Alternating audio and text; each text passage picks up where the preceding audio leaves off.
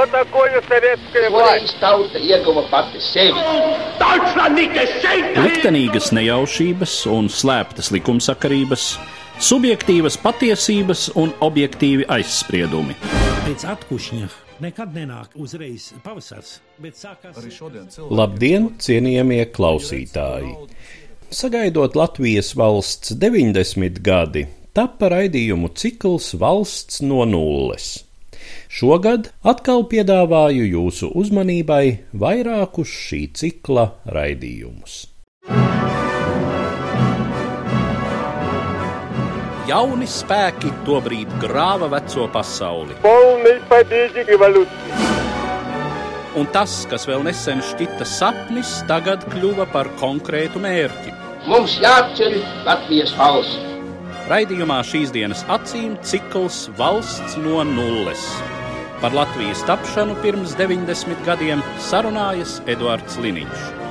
Svētdienās Latvijas radio viens.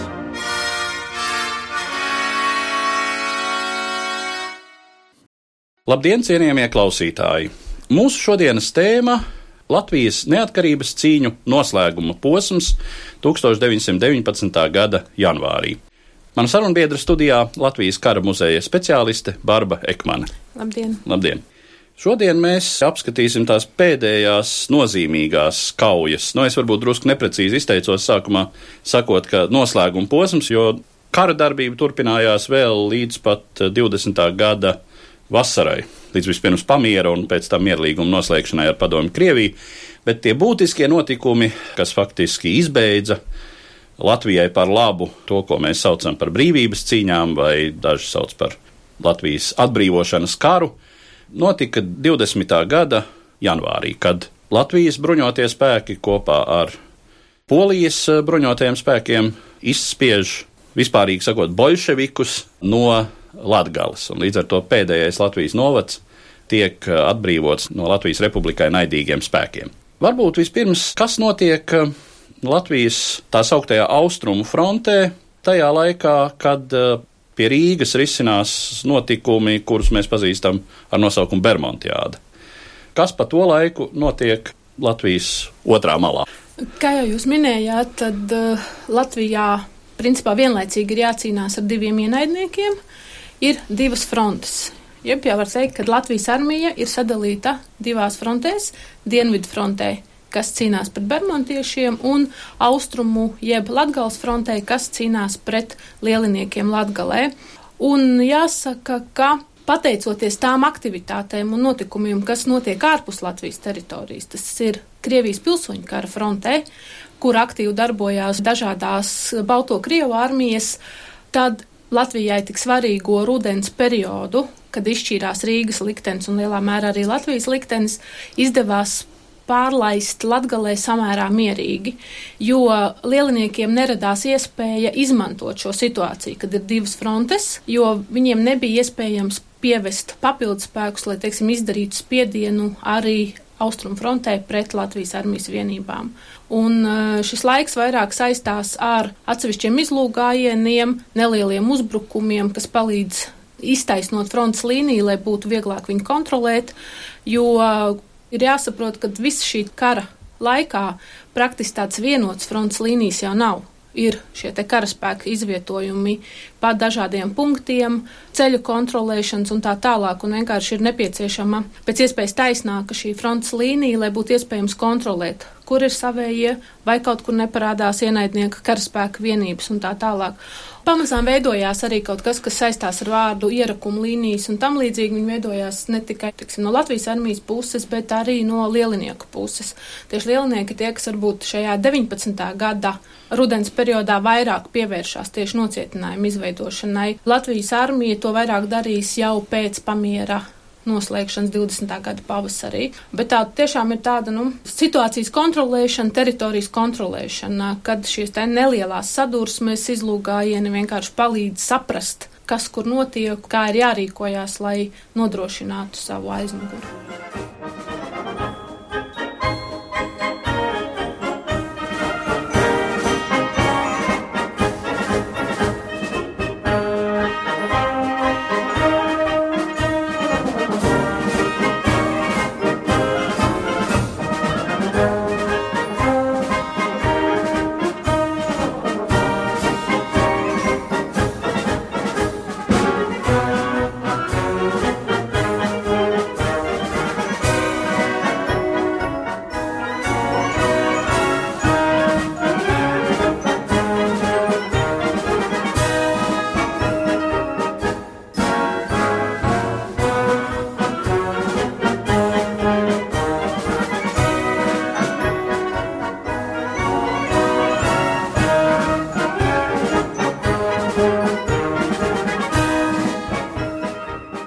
Droši vien ir vērts ļoti īsi piebilst, ka tiešām bolševiku valdībai Maskavā 19. gads arī ir izšķirošais cīņās par varu Krievijā, un tur tiešām tas ir gan Deņīkina uzbrukums no dienvidiem, kas ir ļoti bīstams, un vēl joprojām rit cīņas pret Kolčaku Sibīrijā, un tas ir Juģēņiča uzbrukums Petrogradai. Nu, tā kā Trotskim, kas ir uh, joprojām faktiskais uh, sarkanās armijas vadītājs, bolševiku valdības, teiksim, nu, aizsardzības ministrs, ja tā var teikt, tad uh, viņam nav nekāda iespēja šeit pievērsties tiešām, kā jūs teicāt, par laimi Latvijas republikai un Latvijas pagaidu valdībai. Kas ir tie spēki, kas um, Latgales frontē notur šo līniju pret uh, lieliniekiem? Tā ir Latvijas armijas kurzemes divīzija, kura ir papildināta ar Latgales partizānu pulku kuru izveido no vietējām grupām, partizānu grupām, kuras ir jau sākušas lielā mērā cīņu pret uh, lieliniekiem vēl pirms Latvijas armijas vienības tiksim, sasniedz viņu apdzīvotās vietas, kā arī Septembra vidū no Tukuma uz Latgales fronti tiek pārvests bijušais Landesvērs, tajā brīdī jau iegūst nosaukumu Latvijas vācu zemesardze, kas ir šis te Baltvācu karaspēks, kurš tiek iekļauts Latvijas armijas sastāvā, jau vēlāk nedaudz ar 13. tukuma kainieku pulku nosaukumu. Tajā brīdī viņi vēl saglabā šo zemesardzes nosaukumu, un viņus izvieto netālu no Daugavas, ir aptuveni 2000 karavīru, kas arī palīdz nosargāt Latgales fronti, jo ir skaidrs, ka viņas atstāt tajā reģionā, kur aktivitātes izvērs Bermons ar savu karaspēku, varētu būt arī riskanti.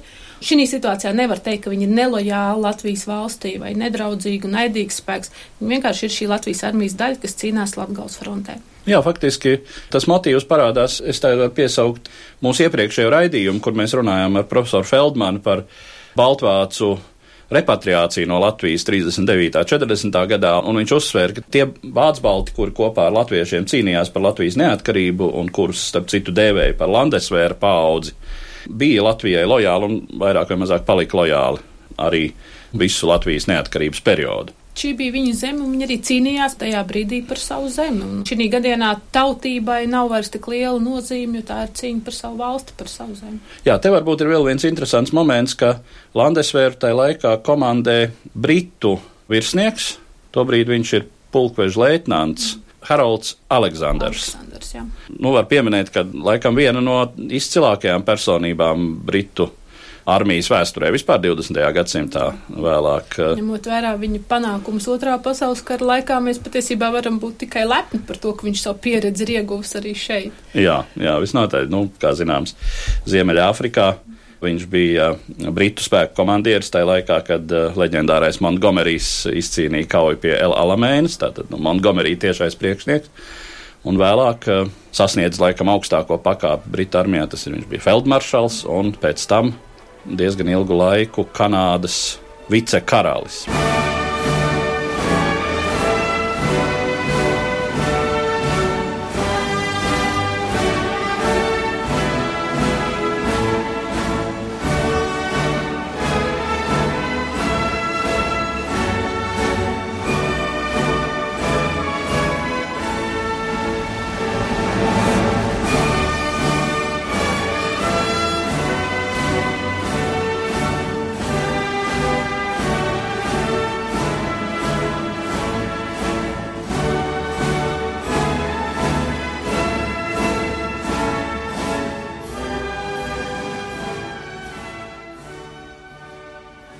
Kurzemes divīzija cīnās Latgals frontē, jo te ir tas mazliet tāds mulsinošais faktors, ka divīzijām ir iedot šie novadu nosaukumi, un arī vēlākos gados nevienmēr šis nosaukums atbilst tai teritorijai, kurā karaspēka daļas uh, atrodas.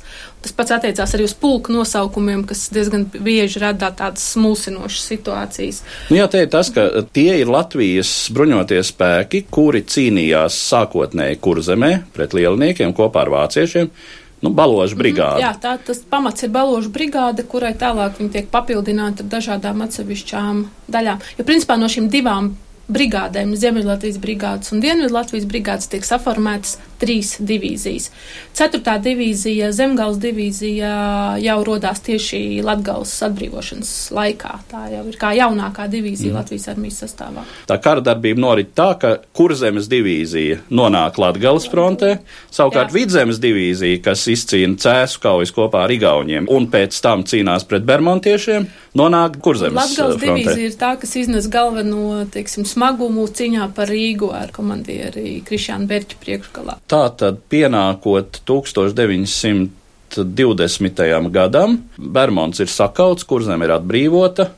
Jāsaka, arī Krievijā tie notikumi virzās uz priekšu par labu bolševikiem. Līdz ar to pastāv zināmas briesmas, ka tuvākā vai tālākā perspektīvā Stučkas valdība, kas vēl joprojām pastāv Latgalē, saņems nozīmīgus papildus spēkus no bolševiku valdības Krievijā un varētu mēģināt atkal atgūt kontroli pār pārējo Latviju. Te gan jāsaka, ka šis pārējais moments ir nevis gadu mījā, bet novembra beigas, decembra sākums jau 19. gadā, jo bermontieši tiek padzīti principā ar pēdējām novembra dienām no Latvijas, un jau šajā laikā, šajās pašās dienās ir sāktas sarunas ar Poliju saistībā ar to, ka ir apziņa, ka Latgali ir jāatbrīvo pēc iespējas ātrāk tieši šo te gan politisko, gan militāro draudu sāsināšanās dēļ. Un uh, ir skaidrs, ka, lai to izdarītu, ir nepieciešams sabiedrotais. Un tad ir izšķiršanās starp trīs. Tā ir Igaunija, tā ir Lietuva un tā ir Polija. Igaunija atkrīt tāpēc, ka uz šo brīdi, principā, Igaunija jau ir sākusi pamieru sarunas ar Padomu Krieviju par cīņām savā frontē.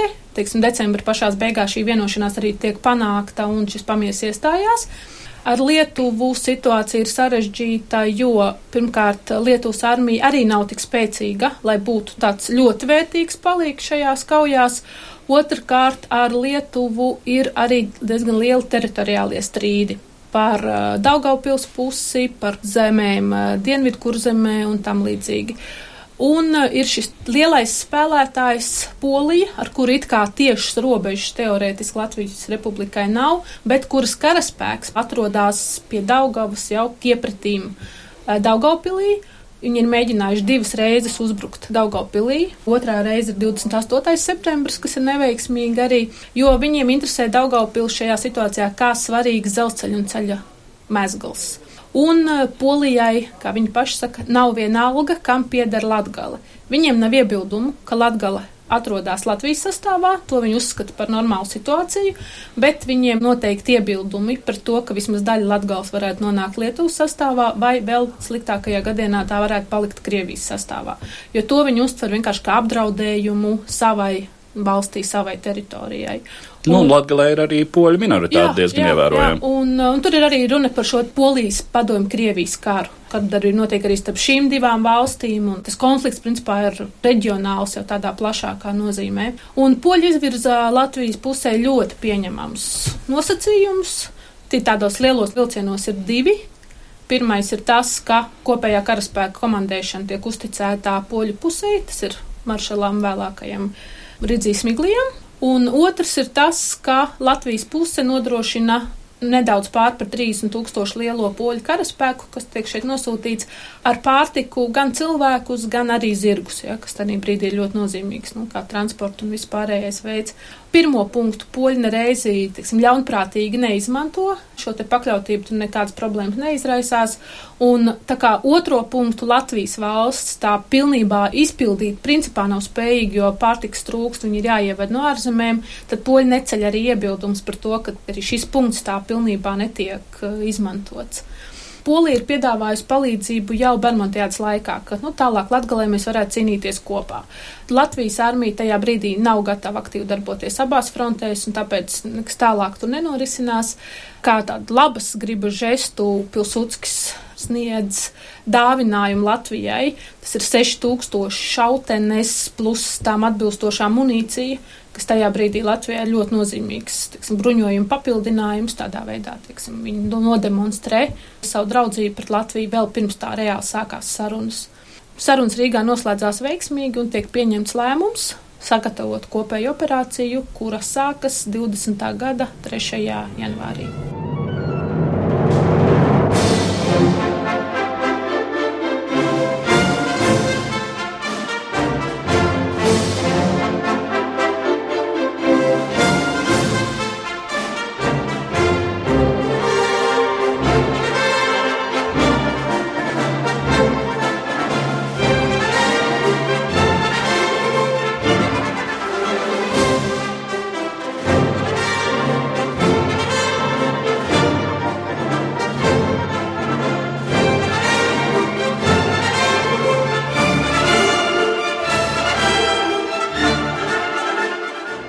Mūsu šodienas sarunas tēma - raidījumu ciklā Valsts no nulles - Latgales atbrīvošana 1920. gada janvārī un Latvijas brīvības cīņu noslēgums.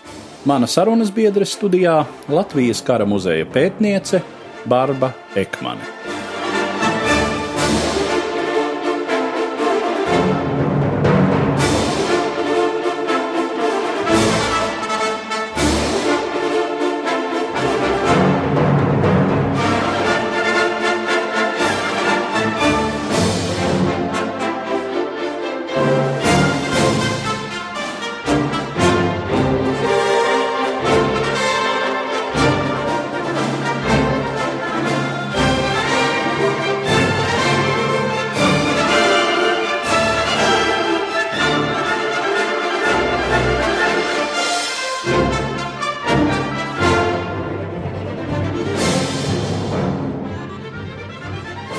Var pieminēt, ka Pilsudska simpātijas pret Latviju un labās attiecības ar Latviju, nu, tam ir diezgan senas saknes, kad Pilsudskis, kā zināms, ir viens no līderiem savulaik poļu sociāldemokrātijā.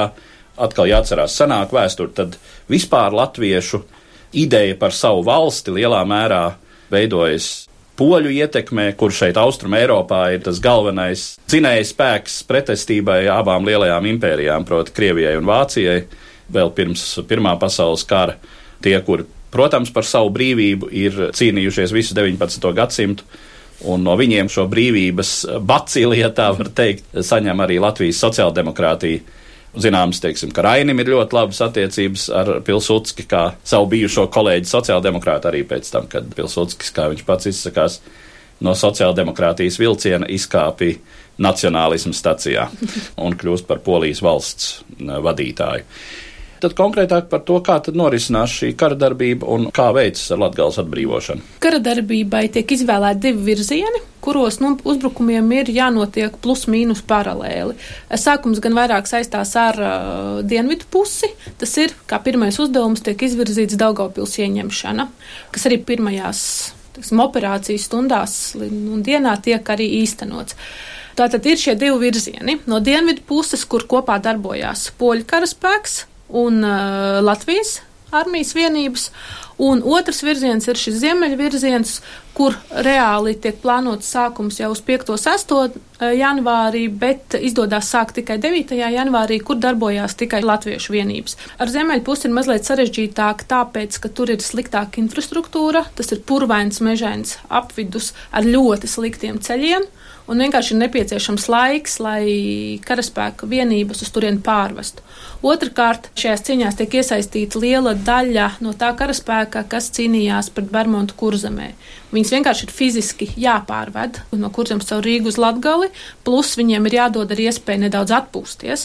Viņiem ir jādod iespēja, tiksim, savest kārtībā savu bruņojumu, apģērbu, papildināt rindas, sagatavot visu bruņojumam nepieciešamo pārtikai un tam līdzīgi.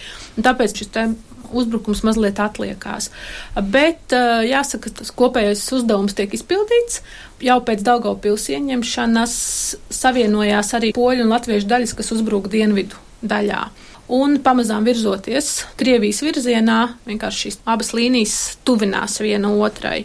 Un tāds tas kopējais centrālais uzbrukums ir no 13. līdz 20. janvārim, kad arī praktiski jau pietuvojās Latvijas etnogrāfiskajai robežai karaspēks.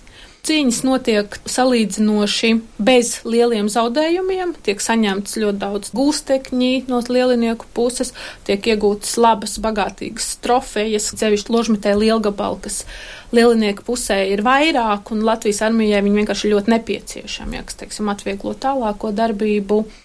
Mēs varam salīdzināt mazliet to dienu notikumus ar mūsdienām vēl tādu iemeslu dēļ, kā arī 20. gada janvārs ir ļoti augsts.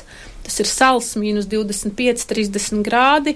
Sākotnēji tas ļoti atvieglina uzbrukuma sākumu, jo Daugavu var šķērsot pa ledu arī lielgabali. Un nav nepieciešama sarežģītā karaspēka pārvešana. Vēlāk gan uh, sniegs un sliktie ceļi apgrūtina karaspēka virzīšanās uz priekšu, sevišķi ar nepieciešamo munīcijas un pārtiks piegādi. Ja? Bet, nu, kā saka, dziļais sniegs apgrūtina abas puses. Tie laika apstākļi zināmā mērā ir līdzīgi tam, ko mēs varējām izbaudīt šajā nedēļā un iepriekšējā. Tad vienkārši no tāda viedokļa ja, mēs varam iedomāties, kā tas ir cīnīties ļoti lielā augstumā. Šajā laikā gan jāsaka, ka lielinieki pamazām saņem papildinājumu, kas it kā tiek sniegt šī palīdzība, lai noturētu fronti Latgalē, jo neskatoties uz to, ka pamierlīgumā starp Padomu Krieviju un Igauniju bija paredzēts punkts, ka karaspēks netiek pārvietots uz Latviju cīņai pret Latvijas armiju, lielinieki šo punktu neievēro. Un notiek arī mēģinājumi pāriet pretuzbrukumos, bet galu galā viņi nesekmējās. Bet skaidrs ir tas, ka jebkurš no šiem līgumiem, pamiera līgumiem, kas tiek slēgti kara laikā, viņi visi ir vairāk uz papīra un vairāk ir jāreikinās ar to, ka viņi reāli netiek izpildīti. Latvijas puse tieši tāpēc arī mēģina pēc iespējas ātrāk sasniegt etnogrāfisko Latvijas robežu, lai nedot iespēju lieliniekiem attapties sakārtot savus spēkus, saņemt papildinājumus un apdraudēt veiksmīgi uzsāktu operāciju.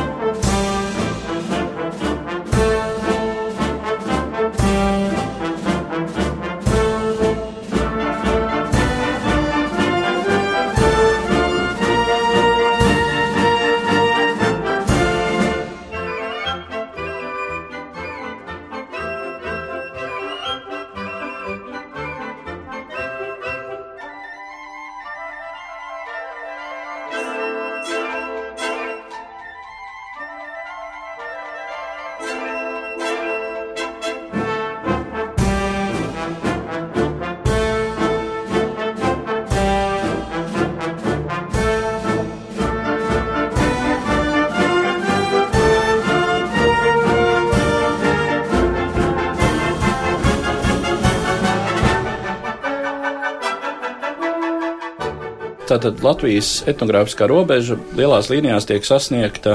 Līdz galam tiks sasniegta 4. februārī, bet tam visam tuvojās jau ap 27. janvāri. Tātad Latvijas armijas un arī valdības uzstādītais mērķis ir sasniegt šo robežu un tur apstāties. Tieši tā.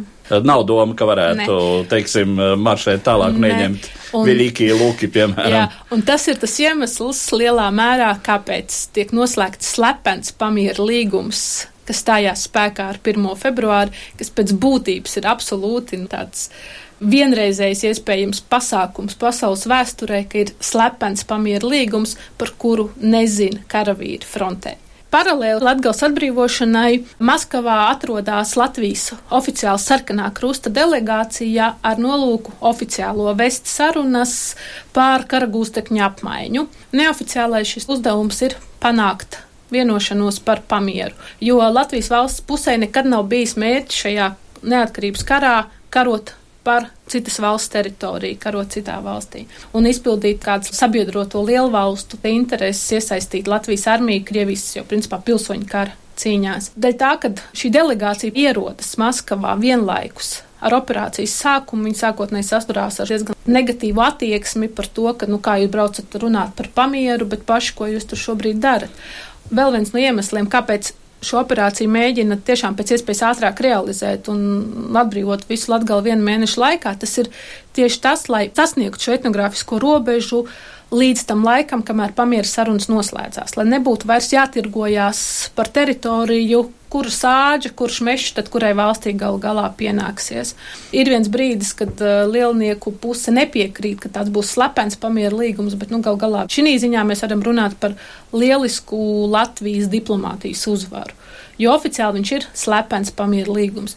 Gan ir informācijas noplūde no lielinieku puses līdz pat teiksim, tādai situācijai, kad uh, 1. februārī, kad stājas spēkā šis pamieris, Vienā no fronts iecirkņiem lielinieki izšauja divas baltas raķetes un paceļ baltu karogu, kā zīme, ka ir sācies pamieris uz Latvijas armijas karavīru jautājumiem un intereses, kas notiek, viņi saka, nu, bet nu kā, ja tas noslēgts pamiera līgums? Un tas tiek uztverts kā provokācija no lielinieku puses, lai samulsinātu Latvijas armijas karavīru, jo reāli šī informācija to nezina ne pulku komandieri, ne, teiksim, kaut kāda zemāka ranga komandieri un karavīri. Šī slepenība tiešām bija nepieciešama tāpēc, lai saglabātu labas attiecības ar sabiedrotajām lielvalstīm, ar Lielbritāniju un Franciju, kurām šeit visā reģionā kopā ir arī savas intereses, un viņas uz jaunajām valstīm skatās šo, šo te prizmu, kā jaunās valsts attiecas pret padomu Krieviju, jo viņas padomu Krieviju vēl nav atzinuši ne Lielbritānija, ne Francija. Un tad slepenība palīdz saglabāt labās attiecības ar sabiedrotajiem, un tajā pašā laikā vienkārši netiek organizētas vairs nekādas lielas operācijas. Vienīgais, kas tiek darīts, tas ir vēl pēc šī pamiera, it kā stāšanās spēkā, tiek aiziets līdz zilupē, līdz etnografiskai robežai, kur arī tad sākās pamazām nocietināšanās darba, cik nu tas ir uz ziemas spēlgonī iespējams. Un tas ir tā, kā jūs teicāt, ka tālāk ir izlūkošanās gājieni, nelieli uzbrukumi, bet viņi ir no abām pusēm. Tas nav tikai tā, ka to darīja tikai Latvijas armijas karavīri.